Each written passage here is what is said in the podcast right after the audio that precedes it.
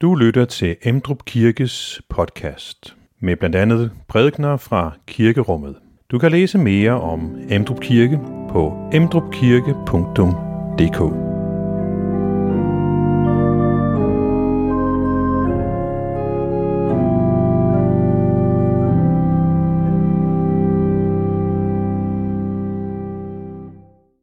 I dag så skal vi øh, på vandring med disciplen Thomas.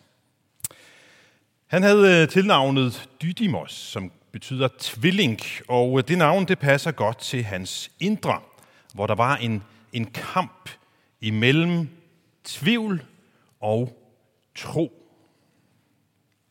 Thomas var en, der spekulerer meget om tilværelsen. Han ville ikke bare løbe efter den første og den bedste udtalelse, nej, han ville undersøge det. Han ville vide mere. Han ville have beviser. Han ville være sikker. Så vi skal vandre sammen med ham i dag. Fra tvivl til tro.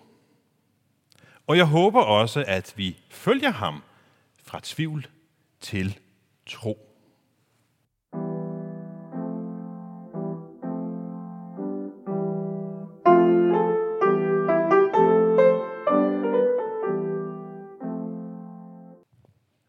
Det er det hellige evangelium, skriver evangelisten Johannes. Om aftenen, den samme dag, den første dag i ugen, mens disciplene holdt sig inde bag lukkede døre af frygt for jøderne, kom Jesus og stod midt i blandt dem og sagde til dem, Fred, vær med jer. Da han havde sagt det, viste han dem, han dem sine hænder og sin side – Disciplene blev glade, da de så Herren. Jesus sagde igen til dem, fred, vær med jer. Som faderen har udsendt mig, sender jeg også jer.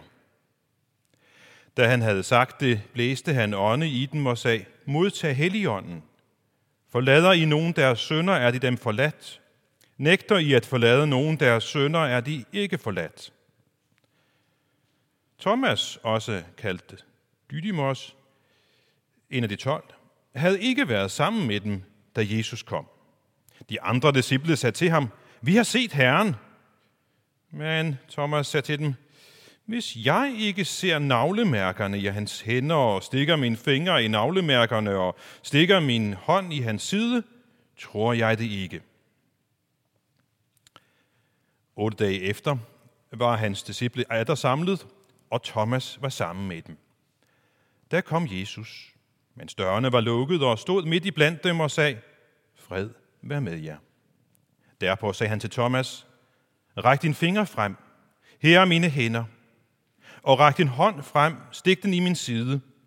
Vær ikke vantro, men troende. Thomas svarede, min Herre og min Gud. Jesus sagde til ham, du tror, fordi du har set mig. Særlig er de, som ikke har set og dog tror. Jesus gjorde også mange andre tegn, som hans disciple så. Dem er der ikke skrevet om i denne bog, men dette er skrevet for, at I skal tro, at Jesus er Kristus, Guds søn, og for at I, når I tror, skal have liv i hans navn.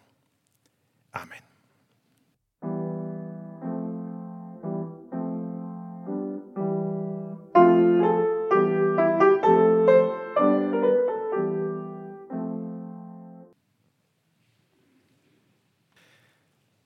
Johannes lader os møde Thomas med tre forskellige lejligheder. Og hver gang så er der noget vigtigt på spil. Thomas han skal træffe et valg. Han kan ikke bare sige, jeg er neutral, jeg holder mig udenfor. Vi får det indtryk, at Thomas er en ærlig og en oprigtig mand. Han siger, hvad han tænker, og ikke bare, hvad han har hørt fra andre eller hvad han tror lyder bedst i andres ører. Jeg synes også, at jeg får en fornemmelse af, at der er noget impulsivt og, og spontant over Thomas. Men han er også en, der, der tænker meget. Han, Han spekulerer meget over tilværelsen. Han, han løber ikke bare efter den første og, og bedste udtalelse, som han hører. Nej, han vil undersøge tingene. Han vil se tingene an. Han vil vide, hvad er det, jeg skal holde mig til? Hvad er det, jeg skal stole på? Den første gang, vi, vi møder Johan, Thomas hos Johannes, er i uh, forbindelse med, at uh, Jesus og, og disciplene de får besked på, at Lazarus er meget syg. Thomas og de andre disciple de kan ikke forstå, hvorfor Jesus ikke skynder sig afsted for at hjælpe deres ven, Lazarus.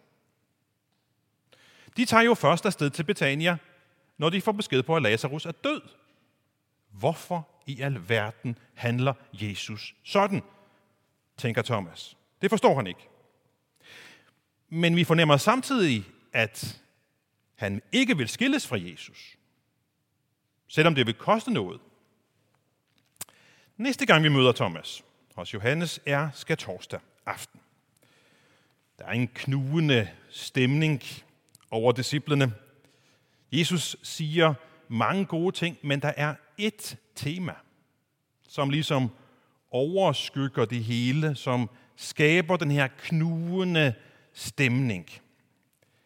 Og det er, at Jesus taler om, at han skal gå bort. Han taler om, at de skal adskilles. Han taler også om, at han skal dø. Han taler om, at han skal op til himlen for at gøre en plads, redde for dem. Og så siger han, når jeg er klar, så kommer jeg ned igen, tilbage igen og, og tager med. Og Thomas tænker, det er da helt mærkeligt det her. Jeg forstår ikke, jeg forstår slet ikke det, han siger. Og Thomas nøjes ikke bare med at tænke det. Nej, Thomas vil have svar. Han, han vil have en afklaring. Så han siger direkte til Jesus, jamen Jesus, hvis vi ved, jeg ved, ved ikke, hvor du skal hen, hvordan skal vi så kende vejen for at møde dig? Og Jesus svarer med det kendte ord, jeg er vejen, sandheden og livet. Jeg ved ikke helt, om det hjalp Thomas så meget, det svar. Han fik noget at spekulere over, og han får sandelig mere at gruble over, som den aften og nat og dagen efter går. For Thomas, han gennemlever sammen med de andre disciple, hvordan Jesus han bliver, han bliver fanget, han, han, bliver, han bliver dømt. Han, han kan se, hvordan Jesus kommer slæbende med det tunge kors hen ad den her smertens vej. Og Thomas ser også med egne øjne, hvordan de tager nogle store navler og banker dem igen med hans hænder og fødder og lader ham hænge oppe på korset. Han kan se, hvordan, hvordan livet æbber ud af, af Jesu forpinte læge dråbe for dråbe. Han oplever den her kamp, Jesus har på korset. Han kan høre, hvordan Jesus råber så hjerteskærende til sidst. Og Thomas og alle de andre Jesu venner er dybt skuffede og helt fortvivlede, da de kan se, at han bøjer hovedet og er død. Thomas er nok at gruble over. Men da han så tre dage senere kommer ind i, i, i salen, hvor de andre disciple er samlet, så kan han se, de er jo fuldstændig forvandlede. Han kan se, at der noget er der sket. For sådan en begejstring, som det lige pludselig har fået de andre disciple, det kommer altså ikke af ingenting. Og jo mere de fortæller, jo mere umuligt synes det at være for Thomas. Fordi de påstår for ham, at Jesus ikke er død. De påstår, at de har mødt ham, at han var kommet, mens dørene var låst. Og sagde, fred være med jer. Og jeg tror, at Thomas, han ønsker af hele sit hjerte at tro på det. Han ønsker, at det er sandt. Men samtidig er det, som om han siger til sig selv, ah, nu må du altså holde hovedet koldt, Thomas. Nu må tænke over det her. Det skylder han sig selv. Det skylder han sin tro. Og derfor svarer han, hvis jeg ikke får lov til at se med mine egne øjne, og får lov til at stikke mine fingre ind i hans sår, så tror jeg ikke på det. Jeg tror, at de andre, andre disciple er, er ret skuffet over Thomas' reaktion. At Thomas ikke vil tro på den. Og så går der nogle dage. Der går en uge. Og jeg gætter på, at, at hver gang de mødes, så taler de andre disciple om, hvor fantastisk det var, da, da Jesus kom.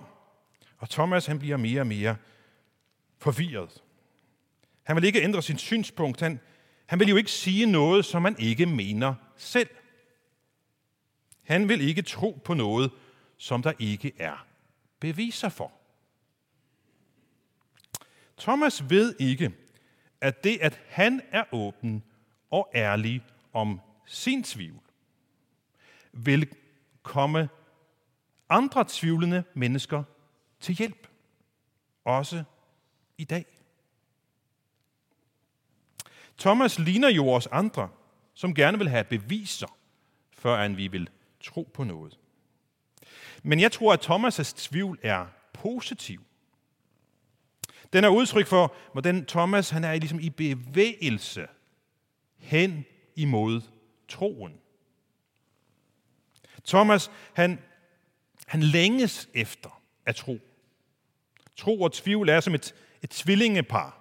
Derfor er det også meget passende, at han hedder Didymos, altså tvilling.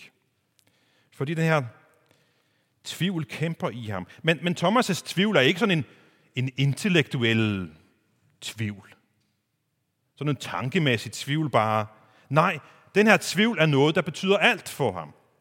Hans tilværelse gik i stykker, da Jesus døde, så hans tvivl, det er hans hjertes oplevelse af, at livet er meningsløst. Fordi alt, han har håbet og troet på skulle være tilværelsens sammenhæng og dybe mening, det er simpelthen krakuleret. Det er gået i opløsning.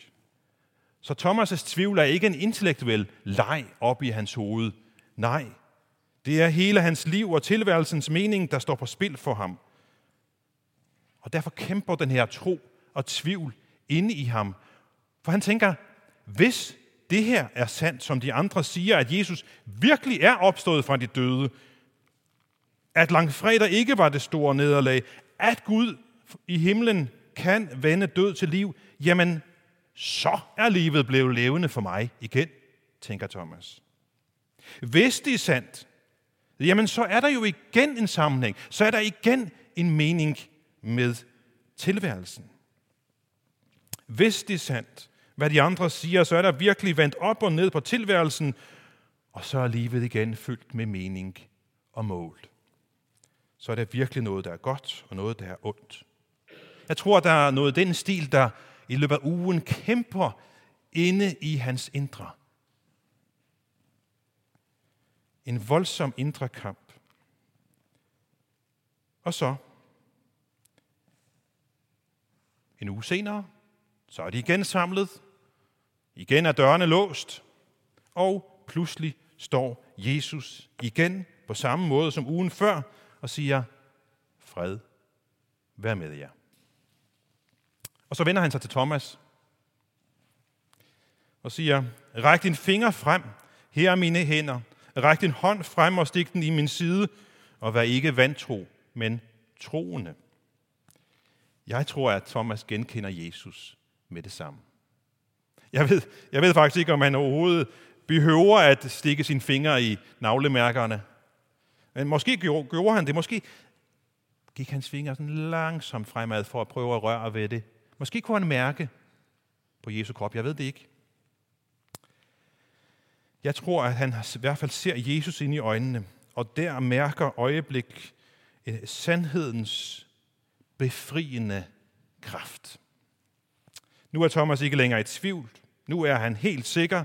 Og så kommer der et svar op fra hans dybeste hjerte. Og han siger, min Herre og min Gud.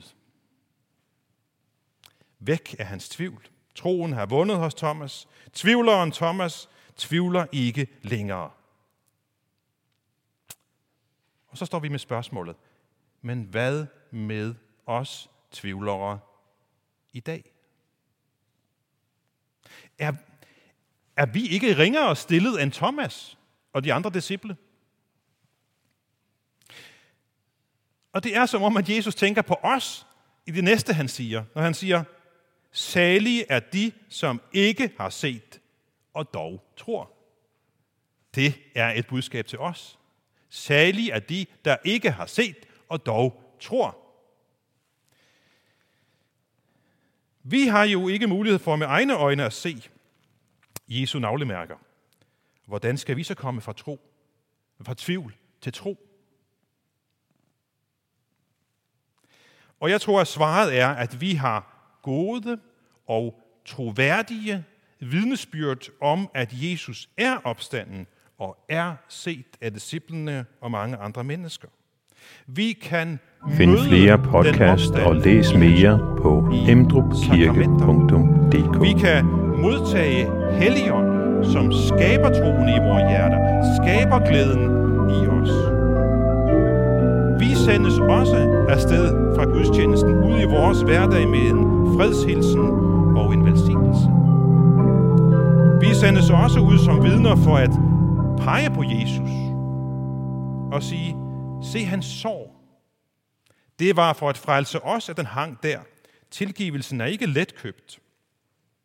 Vi sendes også ligesom disciplene til at, at fortælle om Kristi opstandelse. Og derfor kan vi også i dag af et ærligt hjerte lægge røst til troens udsagn, min Herre og min Gud. Lad os nu rejse os og i fællesskab sige den apostolske hilsen, hvor Herres Jesu Kristi nåde, Guds kærlighed og Helligåndens fællesskab være med os alle. Amen.